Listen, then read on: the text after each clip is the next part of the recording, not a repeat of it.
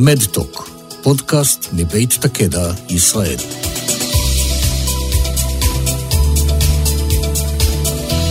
שלום למאזינות ולמאזינים, כאן אילנה אלון בפרק נוסף של מדטוק, פודקאסט מבית תקדע ישראל. והפעם אני מארחת את פרופסור שושנה רבל וילק לשיחה על מחלת הגושה. המחלה התגלתה לראשונה במאה ה-19 על ידי סטודנט צרפתי לרפואה בשם פיליפ גושה, וזה קרה כאשר נתקל במרפאה שלו באישה עם טחול מוגדל. גושה היא מחלה גנטית נדירה בעולם, אבל לא כל כך נדירה בישראל, וזאת בגלל הקשר היהודי. למעשה, אחד מכל 17 יהודים אשכנזים נשא של הגן למחלה. השיחה שלנו תתמקד בין היתר בקשר היהודי בתסמיני המחלה הכוללים בין היתר עיכוב גדילה בילדים, טחול מוגדל, עייפות, אנמיה ועוד. שלום לפרופסור שושנה רבל וילק, מומחית להמטו-אונקולוגיית ילדים ומנהלת יחידת הגושה בבית החולים שערי צדק שבירושלים. היי. מה חשוב שהציבור ידע על מחלת הגושה? מחלת הגושה היא מחלה גנטית שנגרמת בגלל בעיה בפעילות של אנזים, של חלבון, שהתפקיד שלו בגוף לפרק אה, סוכר שומני, שנקרא גלוקוצרברוזיד. הסוכר השומני הזה לא מתפרק, ולכן הוא נאגר בגוף בתוך תא שנקרא מקרופג, שזה תא בולען. כמו שאני מבינה, מחלת גושה היא נחשבת מחלה נדירה. אבל בישראל היא לא כל כך נדירה, מדובר על אה, נשאים אחד מתוך 17 יהודים אשכנזים הוא נסע לגושה, ובעצם אחד מתוך 850 יהודים אשכנזים הוא חולה בגושה. אז אנחנו נדבר קצת על התסמינים של המחלה, כדי שאם מישהו חושב שהוא חולה, או שאחד מבני המשפחה שלו חולים, אה, הוא יוכל לזהות את זה.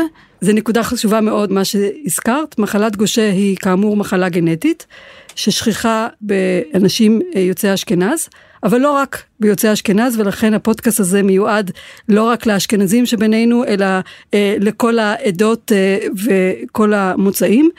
אה, מחלת הגושה אה, נגרמת, כמו שאמרתי, מההצטברות של החומר בתוך התאים, ומכך אה, נגרמים התסמינים, וזה בהחלט אה, חשוב, כמו שאמרת, להכיר את התסמינים, להכיר מה זה יכול לעשות, כדי להפנות את מי שחושדים שיש לו גושה לבדיקה, כי סך הכל מדובר בבדיקה פשוטה שניתן לבצע אותה ולדעת האם אכן אה, אה, יש את מחלת הגושה או אין אותה.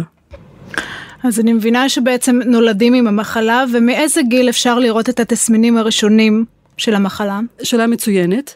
אנחנו כאמור מדברים על מחלת הגירה. כלומר, חסר, כמו שאמרתי, חלבון. החלבון הזה אה, גורם להצטברות של חומר, והחומר נאגר בתוך התאים. אה, הוא נאגר בתוך התאים שנמצאים בטחול, הוא נאגר בתוך התאים שנמצאים בכבד, הוא, ניתח, הוא נאגר בתוך התאים שנמצאים בתוך מח העצם שלנו, הוא נאגר בתוך התאים שנמצאים בעצם, וכיוון שהוא מחלת הגירה, גיל ההופעה יכול להשתנות מאדם לאדם. יש אנשים שגיל ההופעה אצלם יהיה בגיל מאוד צעיר, אה, אפילו בגיל אה, הילדות, או בגיל הילדות המאוחרת, אבל יש כאלה שיגיעו גם בגיל ההתבגרות, ויש כאלה שהמחלה, אה, התסמינים של המחלה יופיעו בגיל יותר מאוחר, אפילו בגיל ה-20, בגיל ה-30. לפעמים אנחנו מבחינים אנשים גם בגיל אה, 40 או 50 עם תסמיני המחלה. כלומר, אין איזה גיל אה, ספציפי שאנחנו יכולים להגיד, זה הגיל שבו המחלה מאובחנת. בעצם יש אנשים שהם חולים במחלה, אבל הביטוי שלה הוא לא ביטוי אה, ש, שמצריך טיפול או איזושהי התייחסות, ויש ילדים שהם חולים במחלה, ומכיוון שהמחלה היא, יש לה אה, סגנון מצטבר, איזשהו נזק מצטבר עם הזמן, אז התסמינים יכולים להופיע כבר בגיל צעיר. אז אם אנחנו מדברים על תסמינים, דיברת על טחול מוגדל וכבד מוגדל, מה עוד? את צודקת שלא לכולם יהיה את אותם תסמינים, ואנשים שונים יכולים להופיע עם תסמינים אה, אה, אחרים. טחול מוגדל הוא בהחלט אה, סמן מאוד מוכר של מחלת הגושה. יכול להיות ירידה בספירות הדם, בעיקר ירידה בספירת התעשיות, התאים שאחרים אחראים על קרישת הדם, אז זה יכול להתבטא בנטייה לדימומים, נטייה לדימומי האף, או נטייה, נטייה לשטפי דם, או דימומים אחרים. יכול להיות ירידה בכדוריות אה, דם האדומות, לגרום לאנמיה, לחסר של דם, זה יכול לגרום לעייפות, לחולשה, אז זה בהחלט חלק מתסמיני המחלה, אבל יש עוד תסמינים נוספים שאפשר uh, לפרט אותם. אז אני, אז אני אשמח אם יש לנו איזה כמה דגלים אדומים ככה שהציבור הרחב יוכל אה, לזכור אותם ול, ולשייך אותם למחלת גושה, שכך שבמקרה הצורך הוא ידע ויגש לרופאי הילדים או רופאי המשפחה. אז אם אנחנו מדברים על ילדים, אז בהחלט התסמינים העיקריים שצריכים אה, לעורר או לחשוב שייתכן מחלת הגושה, אה, כמו שאמרנו, זה טחול מוגדל, ספירת עשיות נמוכה, המוגלובין נמוך, לפעמים הביטוי יכול להיות קומה נמוכה, אה, זאת אומרת ילדים שגדלים אה, עם קצב גדילה נמוך יותר וקומה יותר נמוכה, לפעמים זה יכול להתבטא בעייפות, בחולשה, בנטייה לדמם. מה שצריך להבין שלא לכל אחד חייבים להיות כל התסמינים, ודבר נוסף כדי לא אה, להפחיד את הציבור לשווא, גם התסמינים שאנחנו מדברים עליהם הם לא ייחודיים למחלת הגושה. כלומר, יכול להיות לך את התסמינים האלה ולהיות לך מחלה אחרת, אבל כמו שנדבר עוד מעט, כיוון שהאבחון של גושה הוא יחסית פשוט, כי זה מדובר בבדיקת דם, אפשר, אם יש את הצבר של התסמינים האלה, או איזשהו חשד שעולה שאכן מדובר במחלת הגושה בעקבות ההקשבה לפודקאסט, בבדיקת דם פשוטה, לאשר או לשלול את ההבחנה של המחלה. אז בעצם מה שאת אומרת, אנחנו לא חייבים למצוא את כל התסמינים באותו ילד חולה. זה יכול להיות אחד מהתסמינים, ואם הוא אשכנזי ואחד התסמינים מופיע, אז כדאי מאוד לעשות בדיקה פשוטה ו- ולראות אם יש חסר של האנזים.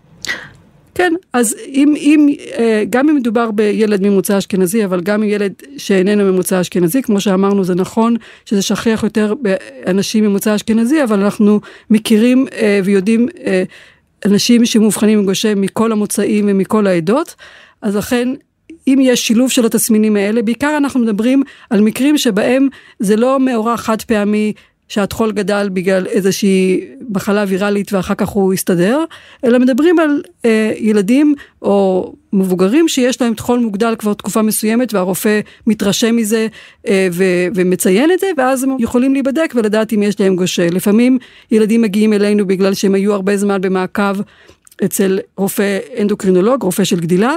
והיו במעקב של אה, גדילה לגובה, ורק אחרי תקופה מאוד ארוכה שהם היו במעקב של הרופא לגדילה לגובה, מישהו חשב שיש להם גושה, ובדקו ומצאו שיש להם גושה. אז בהחלט, אם יש תסמינים בעקבות מה שאנחנו מדברים, או בעקבות מה שאתם קוראים על מחלת הגושה, שיכולים להתאים לגושה, שווה ללכת להיבדק. פרופסור שושי וילק, אני ככה עברתי קצת על uh, חומר uh, לפני הפודקאסט, וקראתי שיש איזשהו קשר בין מחלת הגושה למחלת הפרקינסון. אז אני אשמח אם תוכלי טיפה להרחיב בכמה מילים. Um, טוב, אז באמת תודה על השאלה, כי זו נקודה חשובה.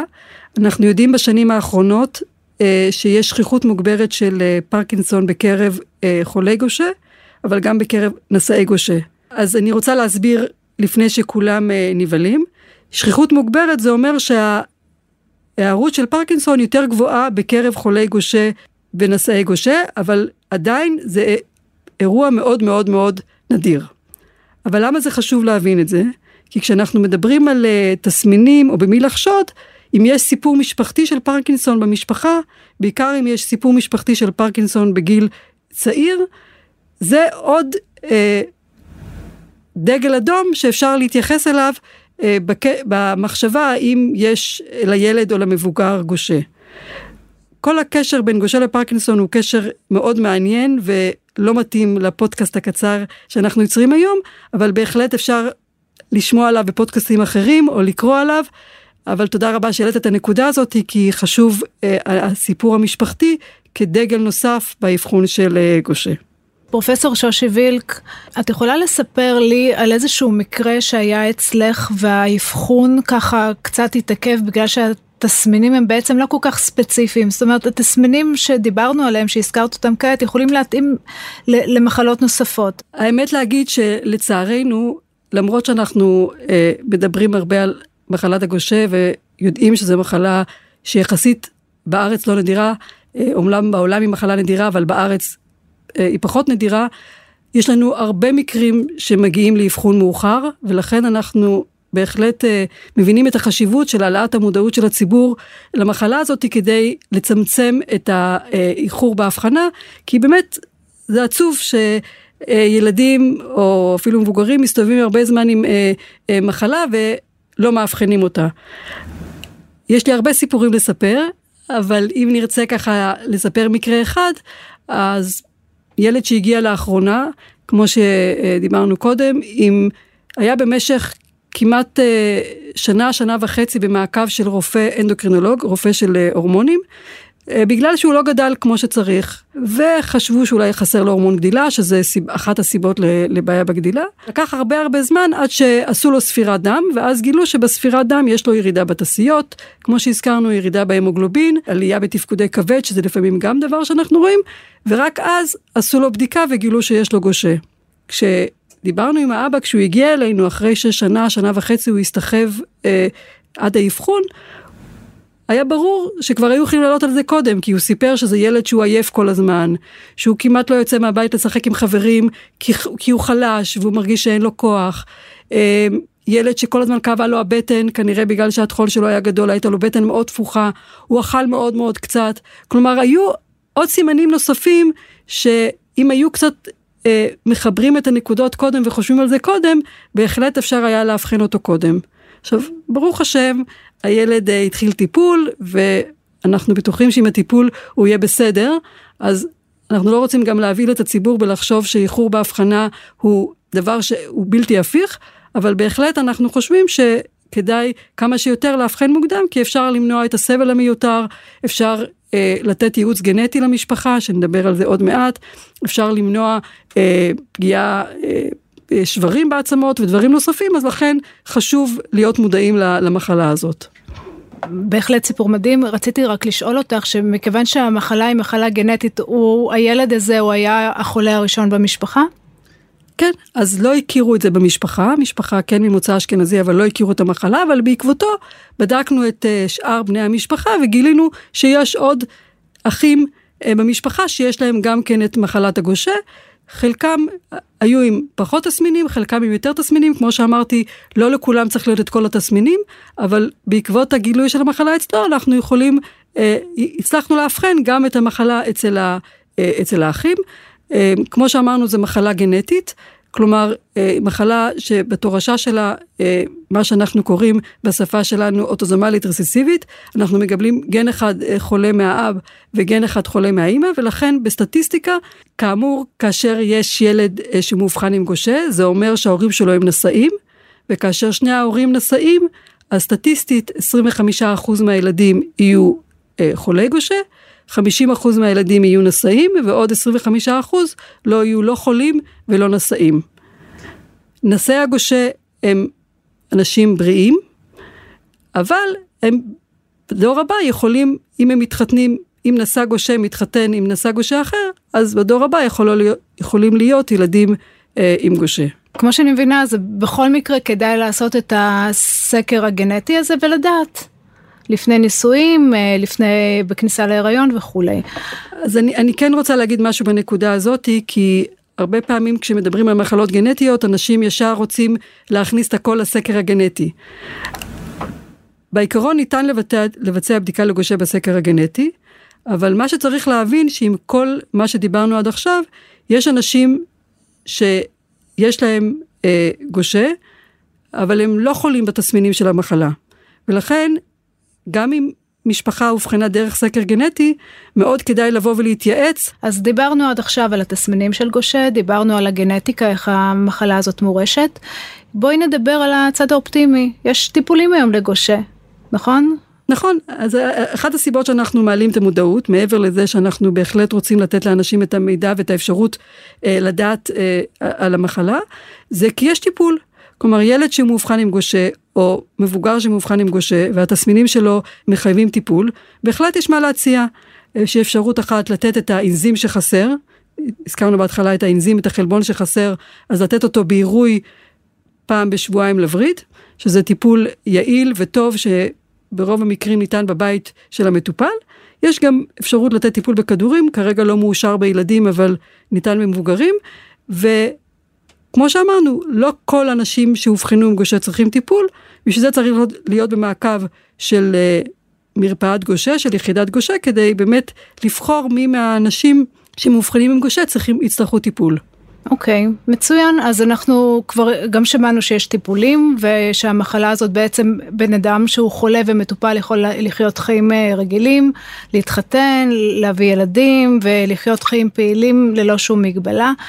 אז אם אנחנו בעצם, אה, מישהו מכם פוגש או רואה במשפחה ילד שהוא, אה, שיש לו את אחד מהתסמינים, מה הוא צריך לעשות בעצם? הוא צריך לבקש הפניה מרופא ילדים, מרופא משפחה, אנדוקרינולוג, מה הוא עושה? אני חושבת שהשלב הכי פשוט זה להעלות את השאלה בפני הרופא המטפל. זאת אומרת להגיד, שמעתי פודקאסט על גושה, האם אתה חושב שזה יכול להתאים לילד שלי? כי בכל אופן, הרופא המטפל מכיר את התסמינים ומכיר את המחלה, ויכול יחד איתכם אה, לחשוב האם זה מתאים או לא מתאים. אם אכן אה, המחשבה היא שזה בהחלט יכול להיות ההבחנה, כמו שאמרתי, בדיקת דם אה, פשוטה יכולה לאבחן את זה. אנחנו נשאיר בסוף הפודקאסט את הפרטים שלנו ואפשר לפנות אלינו ואנחנו נשמח לעזור אה, לרופא המשפחה ולכם לארגן את הבדיקה. אה, הבדיקה, בעבר עשו אותה בקופות החולים, אבל היום בעיקר עושים אותה במכוני הגושה, ביחידות הגושה, ואנחנו בשערי צדק, אה, יחידת הגושה הכי גדולה בעולם, בגלל, כמו שאמרנו, שגושה היא מחלה אה, אה, יהודית. צריך להזכיר עוד פעם, שמחלת הגושה היא מחלה נדירה בעולם, היא 1 ל-50 אלף, אבל כמו שהזכרת בהתחלה, בארץ היא לא מחלה נדירה, אז אנחנו ביחידת הגושה מכירים היטב את המחלה ומטפלים בהרבה אנשים עם המחלה הזאת, ולכן אנחנו נשמח אה, לעזור למי שמעוניין, למי שזה נראה רלוונטי, אה, לאבחון המחלה בבדיקת דם פשוטה. דיברנו על, על האבחון ודיברנו על זה שיש טיפולים. נאמר ויש ילד שהוא חולה גושה, הוא מקבל את הטיפול, הוא צריך להיות במעקב, הוא אה, משוחרר ככה לקבל את הטיפולים אה, דרך הקופה, איך החיים שלו בעצם נראים? כמו שהזכרנו, לא כל מי שמאובחן עם גושה צריך טיפול. אז כאשר יש אה, ילד או מבוגר שמאובחן עם גושה, אנחנו ממליצים לבוא להיבדק ביחידת הגושה. אנחנו עורכים אה, בדיקות מקיפות שכוללות בדיקות דם, בדיקות של הדמיה, אולטרסאונד של הבטן, אה, בדיקת צפיפות עצם והערכה מלאה למצב של, ה, של הילד או המבוגר. אחרי שאנחנו מסיימים את ההערכה הזאת, אנחנו מחליטים האם התסמינים של המחלה מצדיקים מתן טיפול כן או לא, ואם מצדיקים מתן טיפול, אז אנחנו ממליצים על הטיפול, ואנחנו ממליצים שמי שמקבל טיפול יהיה במעקב מסודר של פעם בחצי שנה, פעם בשנה לפי המצב, כי בהחלט אה, אה, חשוב לעקוב ולראות שהכל בסדר, אבל בהחלט חשוב לזכור שעם הטיפול, החיים הם חיים ארוכים, אבל יש לנו צמתים בחיים. יש צבא, יש אה, נסיעה אחרי צבא, יש לימודים, יש חתונה, יש ילדים, ומאוד חשוב שיחידת הגושה תלווה את האנשים בצמתים האלה, כי לפעמים הצרכים משתנים, הטיפולים משתנים, הדברים משתנים, ולכן אנחנו ממליצים שכל מי שיש לו גושה יהיה במעקב מסודר שלנו. פרופסור שושי וילק, אני רוצה להודות לך על השיחה החשובה על מחלת הגושה. אני בטוחה שפרק זה יתרום להעלאת המודעות למחלה ולתסמיניה. ואתם המאזינים, אם אחד או יותר מהתסמינים שדיברנו עליהם נשמעים לכם מוכרים, אנא פנו לרופא המטפל. כמו כן תוכלו לקרוא על מחלת הגושה באתר שלנו גושה 360 ובאתר מרפאת הגושה בבית החולים שערי צדק. את הכישורים לשני האתרים האלה אנחנו נוסיף בתקציר הפודקאסט. תודה שהאזנתם לנו. עד כאן במהדורה זו של מדטוק, פודקאסט מבית הקדע ישראל.